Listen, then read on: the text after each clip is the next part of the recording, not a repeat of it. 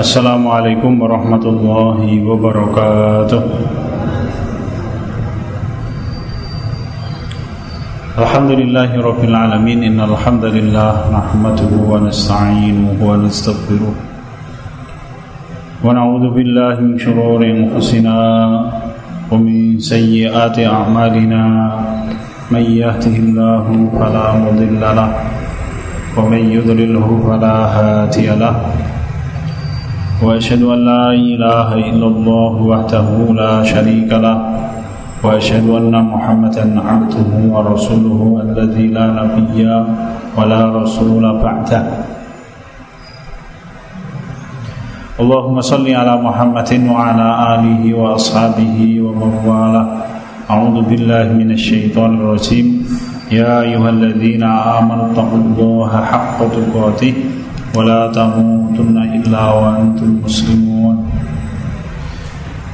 Alhamdulillahirrabbilalamin Hadirin sekalian Bapak-bapak, ibu-ibu, rekan-rekan sekalian Yang dirahmati Allah Ta'ala Segala puji bagi Allah Subhanahu Wa Ta'ala Yang melimpahkan Atas diri kita nikmat Terutama nikmat agama Islam di mana kita dipilih oleh Allah untuk menjadi orang-orang yang menetapi agama Islam membenarkan ajaran Islam dan kita memohon kepada Allah semoga kita diberikan oleh Allah istiqomah di dalam menetapi agama yang benar yaitu agama Islam. Tidak semua orang diizinkan oleh Allah Subhanahu wa taala untuk berislam dan beriman kepada Allah bahkan termasuk orang yang sangat dekat dengan Nabi kita Muhammad sallallahu alaihi wasallam semacam Abu Thalib tetapi kita orang yang jauh dari Nabi Muhammad secara hitungan darah dan letak tempat tinggal kita Tetapi Allah Ta'ala mengizinkan kita untuk mengenal Islam dan beriman kepada Islam. Satu nikmat yang sangat besar. Hadirin asadani Allah wa iyakum kita masih membahas tentang basirah nih, cahaya hati. Tingkatan yang pertama yang terkait dengan asma dan sifatnya Allah Subhanahu wa taala. Seseorang yang memiliki basirah Sampai poin yang ke-12 Pertemuan kita paling akhir. Orang yang memahami bahwa Allah adalah Sami'un li aswatihim. Allah penguasa alam semesta yang mendengar Seluruh suara yang dikeluarkan oleh makhluknya. Ya gerakan angin maka Allah Ta'ala mendengar Tasbihnya pasir di laut maka Allah Ta'ala mendengar. Gerakan-gerakan air maka Allah Ta'ala mendengar. Menggelindingnya batu sebagai bentuk tawaduknya mereka kepada Allah Maka Allah Ta'ala melihat dan mendengar. Poin yang ke-12 ini kemudian kita bisa memahami bahwa seseorang yang memiliki basirah di dalam asma dan sifat Allah Maka kemudian dia menetapkan bagi Allah nama yaitu As-Sami Allah Maha mendengar dan dia menetapkan untuk Allah Subhanahu wa taala sifat bahwa Allah taala adalah penguasa alam semesta yang memiliki pendengaran. Ya.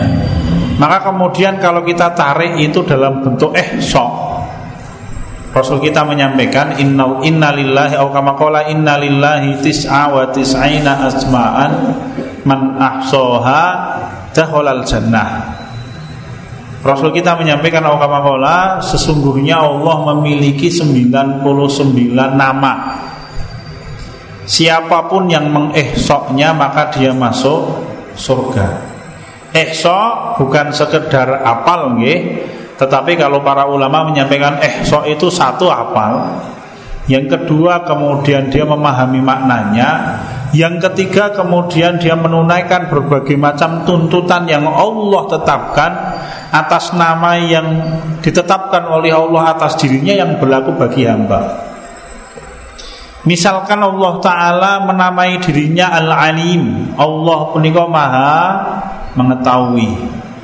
Allah mensifati dirinya dengan ilmu.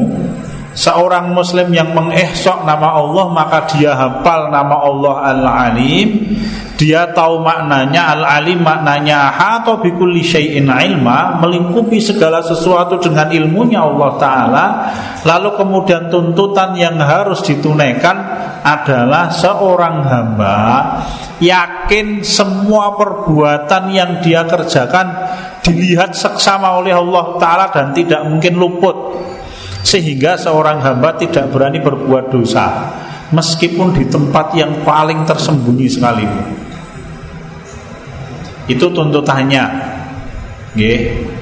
Semantan ugi ketika orang menetapkan nama Allah sebagaimana yang Allah tetapkan yaitu As-Sami' Allah itu maha mendengar maka kemudian dia harus memahami bahwa makna maha mendengar itu Allah Ta'ala bisa mendengarkan segala sesuatu yang ada di alam semesta yang diciptakan oleh Allah Ta'ala Menawi Imam Ibn Qasir rahimahullah menyampaikan bahwa alam semesta ini terdiri dari 4000 alam Sedangkan kita paling ngerti meng alamnya manusia, alamnya kewan, alamnya binatang, alamnya tumbuhan, alamnya jin, alamnya malaikat.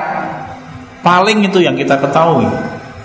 Semuanya apa pun gerakan suara Allah Ta'ala maha mendengar Lalu kemudian tuntutannya apa? Tuntutannya seorang muslim yang menetapkan bahwa Allah Maha mendengar maka dia akan menjaga seluruh ucapan lesan yang keluar dari mulutnya atau ucapan-ucapan hati yang wujudnya adalah pembenaran. J. Kenapa begitu hadirin sekalian asadaniullah wa iyyakum? Kanjeng Nabi kita Muhammad sallallahu alaihi wasallam ngendika wa inna abdan au kama qala la tazulu ma ab'adu bainal masyriqi wal maghrib min hasaidi alsinati min hasaidi lisanihi Rasul kita ngendika au kama qala sungguh ada seorang manusia itu yang tenggelam melayang-layang di neraka jahanam jauhnya melebihi jauhnya antara timur dan barat itu karena ucapan yang dia sampaikan. Contoh, bapak-bapak, ibu-ibu, rekan-rekan panjenengan bika surat At-Taubah ayat 74.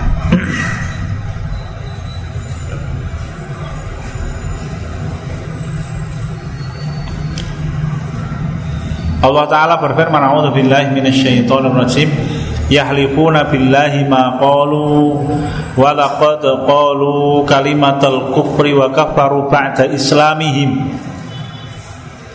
Allah Ta'ala kan jika yahlifuna billahi ma qalu. Orang-orang itu bersumpah Atas apa yang mereka ucapkan Mereka tidak mau, tidak mau mengakui apa yang mereka ucapkan Dengan cara bersumpah atas nama Allah Walaqad qalu kalimatal kufri sedangkan mereka sungguh telah mengucapkan kata-kata kufur. Wa kafaru ba'da islamihim akibatnya kemudian mereka kafir setelah Islam mereka. Surat At-Taubah ayat 74 ini ada sebab turunnya Bapak-bapak. Jadi Allah taala menyampaikan ada orang yang kufur, batal Islamnya, batal syahadatnya. Itu karena dia mengucapkan kata-kata. Kata-kata apa yang dimaksud? Ceritane Ayat ini ada sebab nuzulnya, cerita pun bapak-bapak. Jadi suatu saat kanjeng Nabi kita Muhammad Shallallahu Alaihi Wasallam ngisi pengawasan ngaten punika, ngisi pengajian. Ketika Rasul kita sedang ngisi pengajian punika beliau berkhutbah, tiba-tiba bukan tiba-tiba datang beberapa orang munafik yang duduk di belakang Kemudian mereka mengucapkan kata-kata sungguh kalau agamanya Muhammad, agama Islam itu benar, maka kita lebih hina daripada seekor keledai. Itu kata-kata yang diucapkan oleh orang-orang munafik di belakang. Apa maknanya? Maknanya bahwa orang-orang munafik menganggap satu agama Islam ini salah, yang kedua pengikutnya, pengikut agama Islam yaitu kanjeng Nabi kita Muhammad Shallallahu Alaihi Wasallam dan para sahabatnya itu lebih hina dari seekor keledai. Rupanya bincang-bincang mereka seperti itu didengarkan oleh seorang sahabat. Disampaikan kepada Rasul kita Muhammad SAW Wah orang-orang munafik ketika ditanya oleh Rasul Ragilem mengaku enggak Tetapi Allah Ta'ala kemudian menurunkan firman-Nya dan mengatakan Sungguh orang itu telah mengucapkan kata-kata kufur Dan mereka kufur setelah beriman kepada Allah Setelah Islam mereka Jadi ada orang yang tenggelam di dalam api neraka dan tidak akan pernah selamat selama-lamanya gara-gara ucapan lisan. Maka berhati-hati Bapak nggih. Mungkin kalau kita hari ini ucapan lisan itu sok-sok diganti oleh jempol. Jadi ini ono wong komentar pisan ini kabeh wong loro hati. Masuk grup sekali begitu dia komentar langsung grupnya bubar ya kuabe urung sakit hati. Ada loh bapak-bapak ya ada betulan. Yo nek nganti grupnya bubar buatan nggih. Tapi saya tahu orang itu kalau sekali komentar di grup WA gitu kuabe loro hati langsung mas. Yo nek kabeh mungkin yo ndak ning sing loro hati yo nek ming wong siji loro telu papat lima enam pitu wolu songo sepuluh mungkin ono itu ada model orang seperti itu hadirin dan ini hati-hati loh hadirin guys pindah malih. Hati-hati ini salah satu bentuk ehsok kepada nama Allah. Seorang mukmin yang baik yang dia mengesok nama Allah, Allah itu Maha mendengar, maka kemudian dia berhati-hati di dalam mengucapkan ucapan lisan. Nek Umar bin Khattab, bapak-bapak menawi Umar bin Khattab radhiyallahu anhu menika nggih kadang kala kalau saya tenyuh ana wong rong suwe ngaji langsung khutbah ning ngarepane wong metenteng. Oh kok kabeh disalahke pokoke. Semoga kita dijaga dari akhlak yang seperti itu. Hadirin Umar bin Khattab radhiyallahu anhu piyambakipun punika seorang manusia yang dijamin masuk surga dan dijamin oleh Rasul tidak akan masuk neraka. Itu pun beliau jarang tertawa. Sampai-sampai orang mengira Umar itu agak sombong karena yang lain tersenyum belum tidak tersenyum Menang wae Umar Ketika ditanyakan oleh seseorang belum menjawab karena aku khawatir apabila aku tertawa tawaku disalahkan oleh Allah Subhanahu wa taala. Bapak. Kenapa begitu? Saya dulu itu penyuka salah satu acara di salah satu televisi swasta yang bentuknya itu loh. Apa namanya? Guyon sambil cerita apa jenenge? Stand up comedy itu ketika awal-awal muncul saya suka. Hampir setiap acara itu mesti kalau nonton. Sampai kemudian di dalam acara itu satu sering mentertawakan ajaran agama. Yang kedua sering mentertawakan ibu kandungnya itu kan dilaknat dua-duanya Pak. Sejak saat itu ora tau nyetel kalau sebab menang kalau natal kalau pindah. Ket saat niki ya lambuk semua televisi swastanya itu kalau terima mboten. Dak. Berarti ini bang nanti saya ikut tertawa kemudian dia mentertawakan ibunya ya Maksud ada orang mencaci maki ibunya agar orang-orangnya tertawa kemudian kita ikut tertawa Lah podo-podo dilanat oleh Allah Ta'ala Karena Rasul kita melaknat seorang laki-laki yang membuat orang lain tertawa dengan cara mencaci maki ibunya. Nah misalkan itu ibu saya tak gelut wong langsung angin. Iki ibune dhewe. Kita akan tertawa tapi apa ya tega begitu? Kita ikut terlaknat nanti hadirin. Ya. Engkang nomor 13, ini tambahan kita pada malam hari ini. Imam Ibnul Qayyim Al-Jauziyah rahimahullah menyampaikan bahwa Seseorang yang memiliki basiroh Cahaya hati terhadap nama dan sifat Allah Maka dia memahami bahwa Allah itu yashadu oh, Mohon maaf. Wa huwa yashadu anna amrol mamalik tahta tadbirihi. Bersaksi bahwa Allah Ta'ala itu mengatur semua gerakan apa ya kekuasaan di alam semesta ini.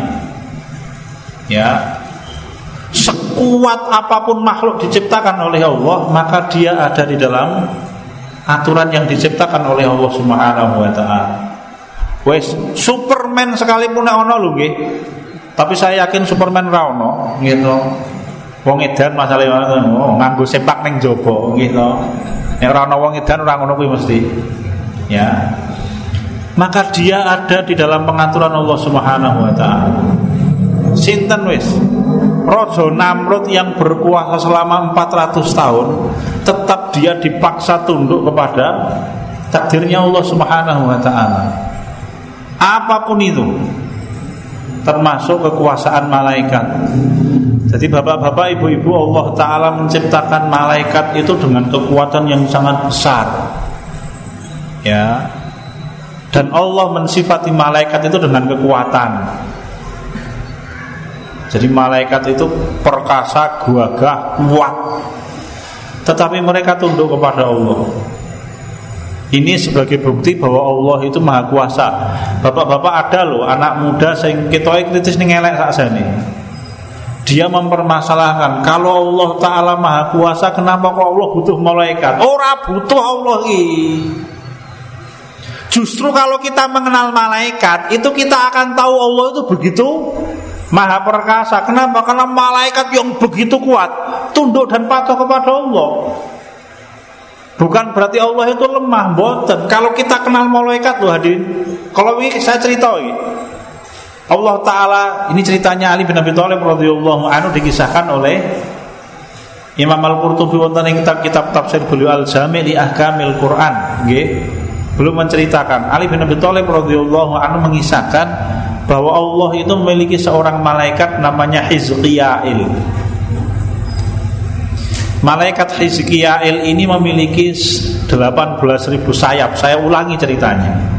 Dikisahkan oleh Ali bin Abi Thalib di dalam Tafsir Al-Qurtubi disebutkan oleh beliau Imam Al-Qurtubi.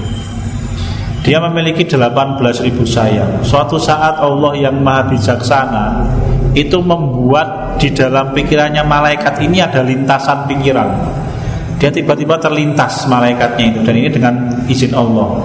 Ya dengan kebijaksanaan Allah. Terlintas pikiran mampu tidak dia bisa melihat arsnya Allah Ta'ala di dalam sekali pandangan. Terlihat seluruhnya. Mungkin kalau kita ya nek panjenengan tempat tinggalnya neng kaki gunung merapi panjenengan tidak bisa melihat wujud gunung merapi dalam sekali pandang. Gitu yang kita lihat hanya sebagiannya. Tetapi kalau kita duduk neng Yogyakarta Gunung Merapi kita kabeh. Ya. Tiba-tiba Allah Ta'ala menciptakan lintasan pikiran begitu di dalam jiwanya malaikat Maka Allah Ta'ala dawuh Kalau kamu pengen melihat itu coba Engkau terbang Nggih, raih satu puncak di antara puncak-puncak arsnya Allah Untuk menambah kekuatannya Sahabat Ali bin Abi Thalib radhiyallahu anhu menyampaikan maka malaikat Hizqiyail ini diberi oleh Allah dua kali lipat sayap sehingga dia memiliki 36 ribu sayap. Satu sayap dengan sayap yang lain itu jaraknya 500 tahun perjalanan antara satu sayap dengan sayapnya yang lain. Dan dia memiliki sekarang berapa? 36 ribu sayap sehingga dia tambah hebat dan tambah kuat. Lalu didawi oleh Allah untuk terbang. Maka kemudian malaikat Hizkiyail puniko terbang sejauh 50 ribu tahun perjalanan. Dia belum bisa mencapai salah satu di antara puncak-puncak arasnya Allah Begitu dia berhenti maka Allah Ta'ala memberikan dia tambahan kekuatan Sehingga sayapnya berlipat tiga kali lipat. Kira yo, walulah sewu peng telu Gitu, seket papa tewu Kemudian diperintahkan Allah untuk terbang kembali. Terbang, raih satu di antara puncak-puncak arsnya Allah.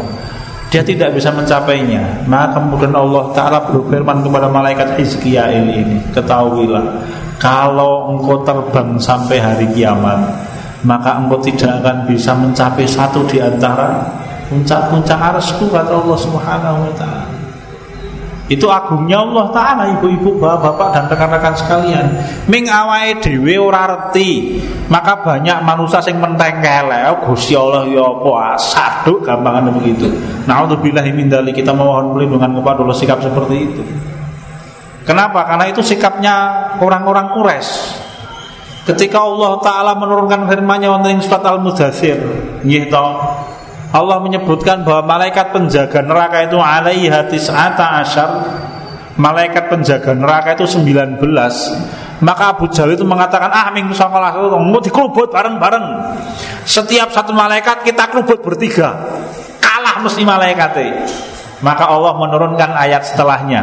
Ya, wa ma ja'alna iddatahum illa fitnatal kafaru. Tidaklah aku ciptakan jumlah malaikat kecuali sebagai bencana bagi orang-orang yang ingkar kepada Allah. Nanti ayatnya akan panjang itu nggih. Ada kata-kata itu. Itu asbabun nuzulnya potongan ayat itu adalah sikapnya Abu Kenapa? Karena dia tidak tahu malaikat seperti apa. Ya hadirin, kita memohon perlindungan kepada Allah. Semoga kita menjadi orang yang selalu mengagungkan Allah Subhanahu wa taala setiap saat. Ya, Bapak-bapak, Ibu-ibu. Fausikum wa ya nafsu kita Orang itu pasti beriman kepada Allah ketika sakaratul maut. Westo. Karena sakaratul maut itu pintu alam gaib dibuka oleh Allah taala ya dan cahaya mata mereka bisa melihat dengan terang semua yang tertutupi disampaikan oleh Allah wonten ing surat atur ya eh nyuwun ngapunten wonten surat Az-Zariyat begitu hadirin sekalian tetapi tobat ketika sakaratul maut ora ana gunane Rasul kita menyampaikan innallaha yaqbalu taubatal abdi ma lam yughargir. Sesungguhnya Allah menerima taubatnya seorang hamba selama nyawa belum sampai di tenggorokan. Ya Bapak-bapak, kalau ada rencang. Rencang saya saya sudah pindah ke Sumatera nggih, min zaman isih cah nom biyen. Niku jadi mbah kaum. Oh, mbah kaum, mas kaum.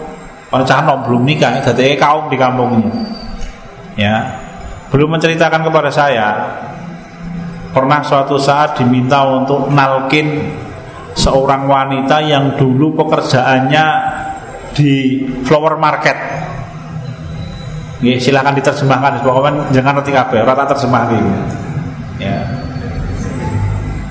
Ketika dia tua, ditalkin pada waktu menjelang sakaratul maut itu orang-orang yang mendekatinya didoni, Pak. Ya. Mbah ngibadah apa? Ora radong wis. Pokoke teman sama menceritakan betapa mengerikannya sakaratul maut. Dan dia berteriak-teriak aku ora gelem mati.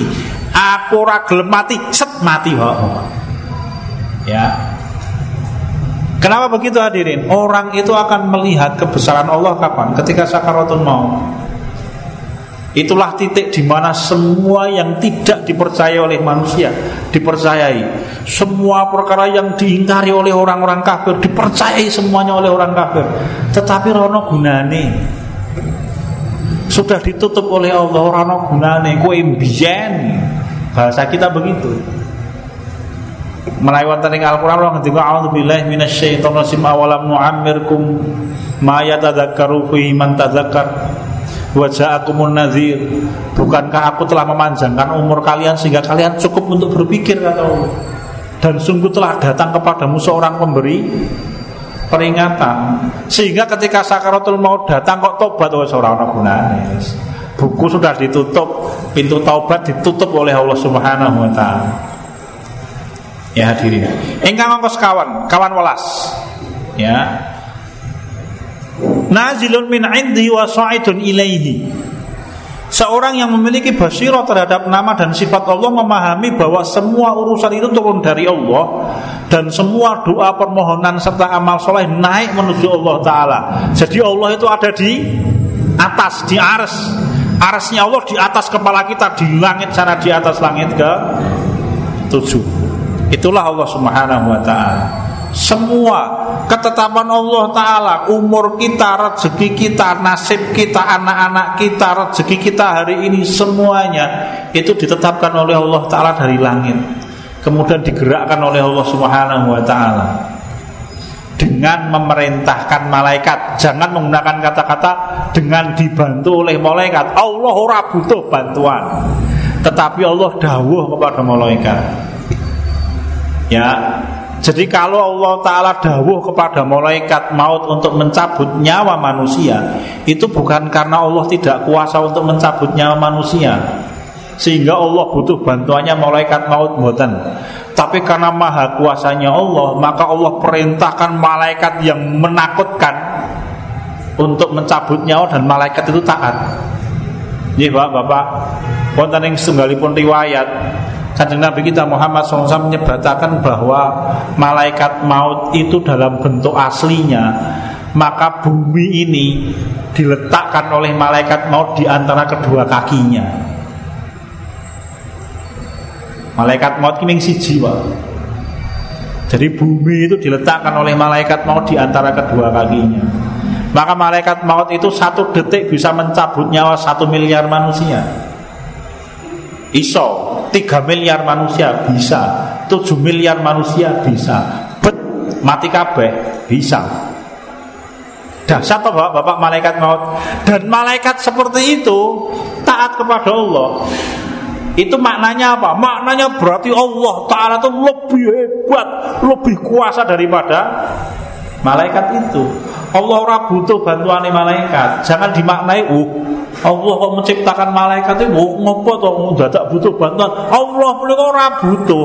Allah itu maha kuasa, maka Allah ciptakan makhluk-makhluk yang begitu perkasa dan begitu patuh kepada Allah Subhanahu wa taala. Nggih. Adina sadani Allah wa nazilun min indi semua urusan turun dari Allah wa sa'idun ilaihi wonten ing Al-Qur'an Allah ndika ilaihi yas'adul kalimut thayyib wal amalus shalihu yarfa'u ilaihi yas'adul kalimut thayyib kalimat-kalimat thayyib yang diucapkan manusia itu semuanya naik ke langit. Sahabat Ibnu Mas'ud radhiyallahu anhu ngendika bilih kalau ada orang berzikir subhanallah walhamdulillah wala ilaha illallah Allahu akbar maka akan ada seorang malaikat yang segera mengambil kalimat thayyib itu kemudian diletakkan di sayapnya kemudian dibawa terbang menuju langit Tidaklah malaikat ini menemui sekelompok malaikat karena penghuni langit itu para malaikat. Betul nonton menung saning ya, Pak. Manusia ini menyempil satu misalkan di langit kedua ada manusia satu. Siapa itu? Nabi Isa alaihissalam tapi penghuni yang lain malaikat. Nanti di langit kedua eh di langit ketiga ada satu manusia lagi. Sinten Nabi Harun nggih kalau wonten ing hadis Rasul kita Mi'raj itu di atasnya lagi ada Nabi Musa, di atasnya lagi ada Nabi Harun, di atasnya lagi ada Nabi Ibrahim alaihissalam. Ibnu Mas'ud radhiyallahu anhu menyampaikan tidaklah malaikat yang membawa kalimat tayyib itu naik menuju Allah taala bertemu dengan kumpulan-kumpulan malaikat kecuali pasti malaikat-malaikat itu akan mendoakan kepada Allah memohonkan ampunan kepada orang yang berzikir. Nih, dalam tanda petik ming zikir. Ya, goro-goro ming itu akhirnya banyak yang tidak mengerjakan gitu. Maknanya begitu loh. Imam Ibnu Katsir rahimahullah wonten ing tafsir Quranul Azim itu menyampaikan satu riwayat Rasul kita berkisah pada waktu Nabi Yunus alaihi salam ditelan oleh ikan nggih kemudian beliau dibawa masuk ke dasar samudra sampai dikisahkan Nabi Yunus alaihi salam kok bisa mendengarkan tasbihnya batu-batu yang ada di dasar samudra ini. Beliau bisa mendengarkan tasbihnya ikan yang ada di sampingnya ini. Beliau bisa mendengarkan tasbihnya laut. Nah betul-betul Nabi Yunus itu Nabi yang mulia Hanya beliau memang punya kesalahan Kenapa? Karena meninggalkan kewajiban Kewajiban berdakwah kepada umatnya dikuandani puluhan tahun ngeyel gitu. Nabi Yunus sebenarnya punya alasan loh itu. Jadi misalkan besok di hari kiamat, kowe kok ninggal ke tugas pun pulau kandani berpuluh-puluh tahun ngeyel, tidak ada satupun yang beriman. Tetapi karena yang menghentikan ke tugas itu Nabi, maka Allah Taala menegur dengan teguran keras. Eh, bukan itu yang kita ceritakan. Oh, delewari ceritanya. Imam Ibnu Katsir itu menyampaikan satu riwayat Rasul kita berkisah, nggih. Jadi ketika Nabi Yunus alaihissalam di dalam riwayat itu disebutkan oleh Imam Ibnu Katsir pada waktu Nabi Yunus alaihissalam berdoa, ya, La ilaha illa anta subhanaka inni kuntu minadh. Sepanjang hari, setiap saat selama di dalam perut ikan. Maka kalimat yang indah zikirnya Nabi Yunus itu kemudian naik ke langit dan berputar di sekitar arsnya Allah Subhanahu wa taala. Sehingga para malaikat kemudian matur karena mereka dengar itu. Matur wahai Allah, ini adalah kalimat yang dibaca oleh seorang hamba yang lemah yang tinggal di negeri yang terasing yang sedang mengalami kesedihan. Allah Ta'ala bertanya, kamu tahu siapa yang mengucapkan? Oh, kami tidak tahu wahai Allah. Maka kemudian Allah Ta'ala berfirman, yang mengucapkan itu Yunus. Ya, maka malaikat ini matur, para malaikat matur, wahai Allah, orang ini Yunus dalam kondisi seperti itu dia tetap beramal soleh.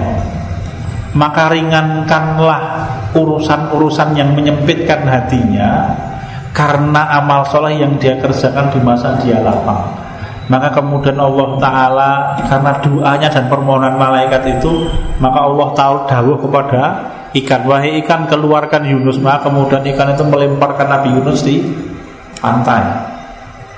Nih bapak-bapak.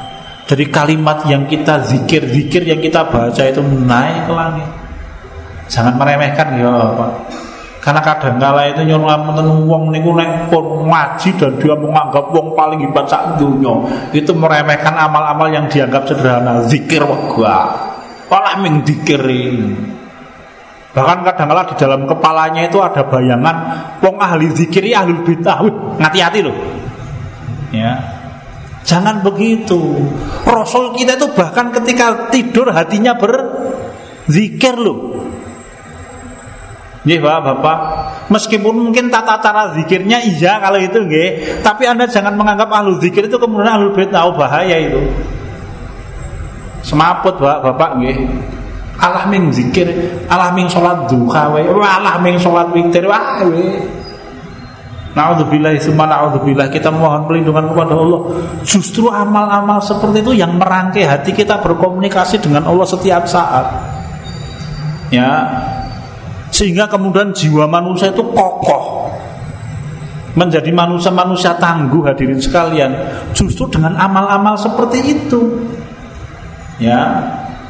Kadangkala orang itu begitu tadi hadirin kita memohon perlindungan kepada Allah. Semoga kita ini termasuk orang yang belajar Islam untuk melaksanakan. Kenapa begitu? Karena orang kalau belajar Islam tidak mau melaksanakan dan tidak punya niat untuk melaksanakan, itu hanya akan menciptakan orang yang pinter bantah. Dikandani ngeyel, dikandani ngeyel kan oh dia punya ilmunya loh. Ya. Maka yang paling selamat ya orang yang belajar Islam niatnya untuk melaksanakan. Yeah.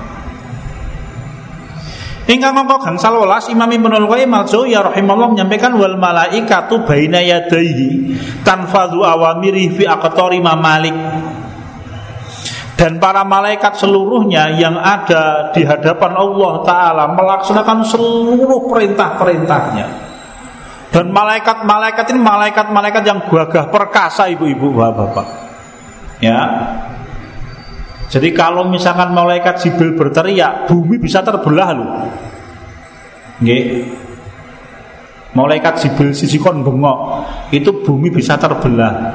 Dan ingat ketika Allah taala menghukum di dalam surat Yasin itu ya kepada kaum yang diturunkan atas mereka nabi wa ma anzalna ala qaumi min ba'di min jundin minas sama wa ma kunna munzilin in kanat ila sayhatan wahida.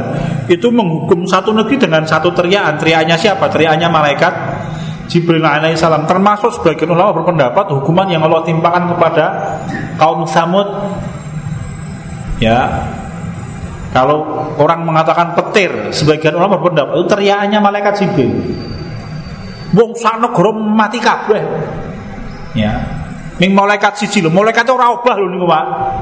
Mboten nyelenthek murandamu, ning kon bengok. Ya. Begitulah dini. Dan mereka semuanya tunduk patuh kepada Allah Subhanahu wa taala. Masih ingat ya pada waktu Rasul kita Muhammad SAW berdakwah ke Taif ditolak oleh penduduk Taif kemudian dilempari oleh orang Taif dengan batu sampai kakinya Rasul kita berdarah-darah. Dibersihkan oleh Zaid bin Harithah radhiyallahu anhu. Lajeng Rasul kita berlindung di kebun miliknya Utbah dan Robi'ah. Ya seorang orang kures nih diizinkan ketika dibersihkan darahnya oleh Zaid bin Harithah radhiyallahu anhu menikah datang malaikat penjaga gunung. Ya. Kemudian menawi wahai Muhammad kalau engkau sukai tak angkat ke gunung loro. Jabal Abu Kubais dan Jabal Kaikolan kata saya. Nek kamu mau pak blek keneng tok terus pundi? Oh Untungnya Nabi ini Nabi Muhammad SAW sabar nih. Nek Nabi ini dewi, cocok ya, cocok, sasak, ngono kuwi awalnya dewi. Tapi Nabi Muhammad mengatakan tidak. Nabi Muhammad mengatakan jangan, karena aku berharap dari keturunannya akan lahir orang-orang yang membela agama Allah dan betul dikabulkan itu ucapannya Rasul kita Muhammad. Malaikat ngangkat gunungnya enteng lah Bapak. Ya, bukan pekerjaan sulit bagi mereka dan mereka patuh kepada Allah Subhanahu wa taala. Betapa kuasanya Allah taala. Sepindah balik. Kalau Anda membayangkan malaikat, Anda jangan membayangkan Allah butuh pembantu. Ya. Tetapi mereka adalah utusan-utusannya Allah. Utusan ini pesuruh Bapak. Kongkonan.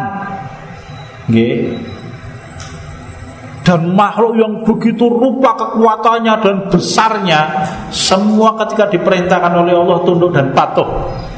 Ya menawi Allah taala wonten ing surat at-tarim ngendika ya ayuhan ladzi ya ayuhan ladzina amanu wa anfusakum wa ahlikum nar wa quduhan nas wal hijarah 'alaiha malaikatun ghiladun syidadun la ya'suna Allah ma amarahum Wa yaf'aluna ma yu'marun tidak pernah bermaksiat kepada Allah sekalipun ketika diperintahkan oleh Allah dan mereka pasti mengerjakan perintahnya Seluruhnya tidak ada yang tidak dikerjakan. Orang bakal luput. Hebat Allah itu. Ya. Maka Allah menamai dirinya Al-Aziz, Al-Qahhar yang semuanya itu mengandung pengertian kehebatan Ya Bapak Al-Aziz maknanya maha perkasa Al-Qahar yang memaksa dengan seluruh ke kekuatan yang dimiliki oleh makhluk Semuanya ada di dalam kekuatan dan paksaan Allah Ta'ala. Itulah Allah Subhanahu Wa Ta'ala.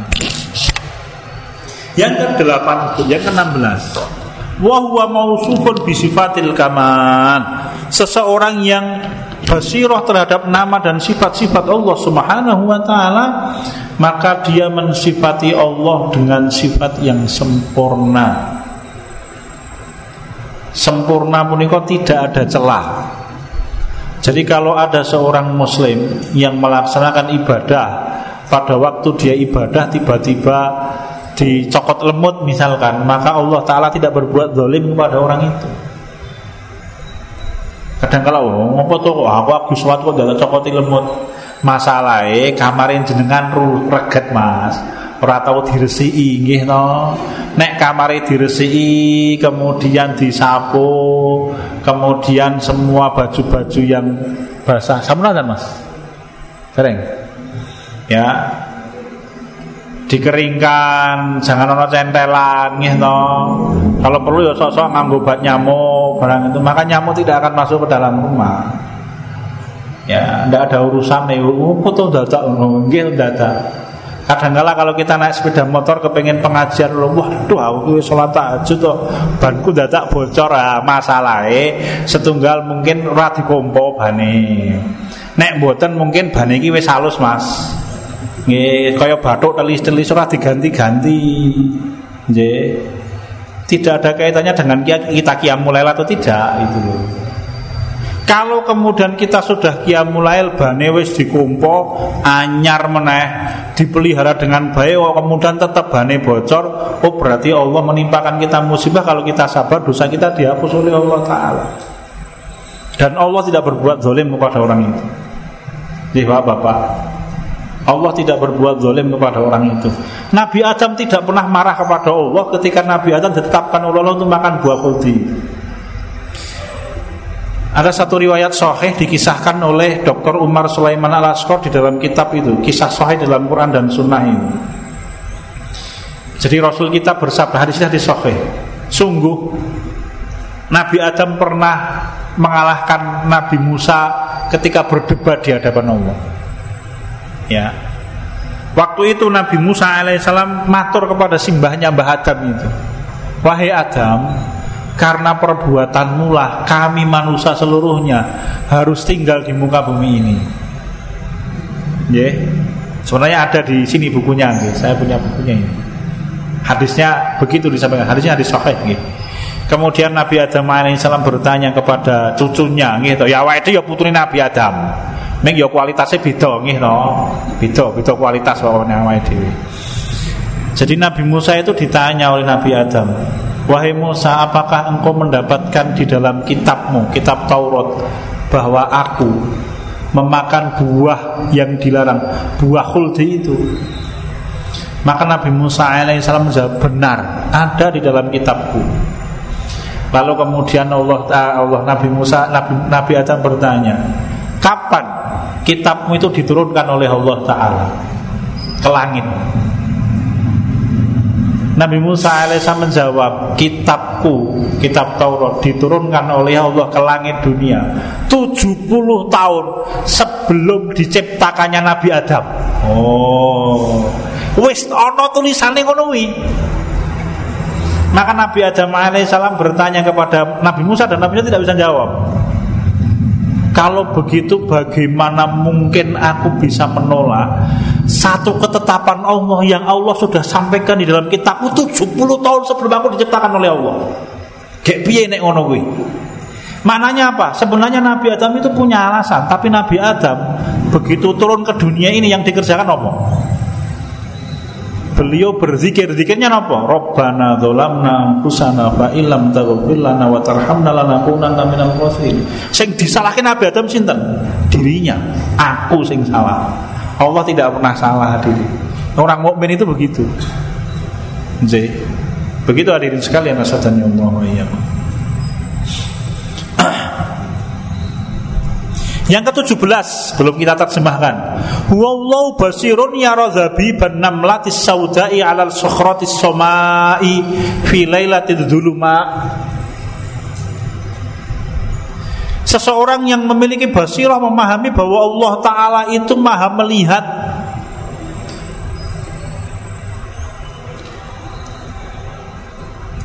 Maha melihat Bahkan seekor semut hitam di atas batu hitam di tengah malam. Allah Maha melihat. Sami'un yasma'u dhajijil aswati bi ikhtilafil lughati ala tafnani al hajat Allah Maha mendengar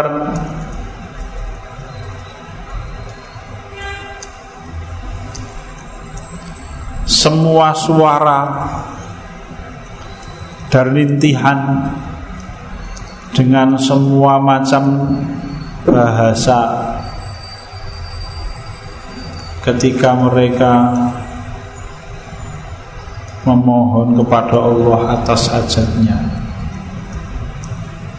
Jadi kalau panjenengan mboten sakit bahasa Arab donga nggih no, pakai bahasa Jawa mboten ora Cen afdolnya pakai bahasa Arab. Nggih. Ya Allah saya butuh komputer, aduh komputernya bahasa Arab apa ae mau bahasa Jawa mawon. Nggih. Butuh uang kuliah, waduh uang kuliah bahasa Arab napa e? Nek duh Gusti Allah kula nyuwun ngerti to Allahumma ini as'aluka. Nggih. Awake dhewe apal kabeh. Uang kuliah ki apa? Ya mendingan bahasa Jawa. Mboten napa-napa. Allah tahu kok bahasa kita. Jangankan Allah taala makhluk itu diberi kecerdasan dan dia sangat cerdas. Contohnya sini Mbak? Contohnya sahabat Abdullah bin Zubair.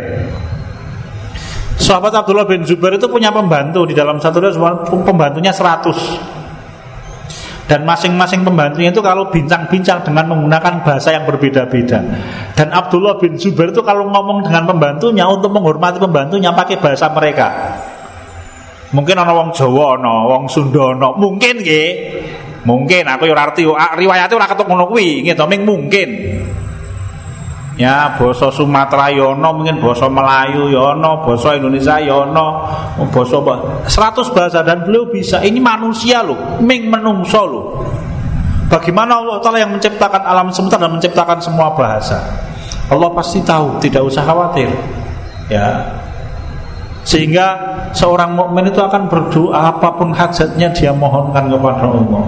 Karena Allah Maha mendengar. Menawi sahabat Umar bin Khattab ngendika inni ahmilu hammatid doa Sesungguhnya aku itu semangatnya berdoa. Laisa hammatil istijabah. Bukan semangat untuk mendapatkan jawaban. Kenapa? Karena kalau orang berdoa itu jawabannya sudah disediakan oleh Allah kalau orang semangat berdoa maka dia akan membuat doanya mustajab. Karena dia tahu kalau doanya tidak dikabulkan Itu penyebabnya dirinya Bukan Allah yang tidak mampu. Gitu. Maka orang akan memeriksa apa tuh yang menyebabkan doa kita tidak diterima oleh Allah? Begitu bapak-bapak Allahumma a'lam masih banyak? Sekian dan demikian Bapak-Bapak Insya Allah kita laksanakan dalam pertemuan yang akan datang. Kurang dua menit Kalau ada perkataan yang tidak berkenan Saya mohon maaf sebesar-besarnya Semoga Allah Ta'ala mengampuni dosa-dosa kita dan kesalahan kita Dan memberikan kita kebaikan dunia dan akhirat. Sekian dan demikian. Saya kembalikan kepada Assalamualaikum warahmatullahi wabarakatuh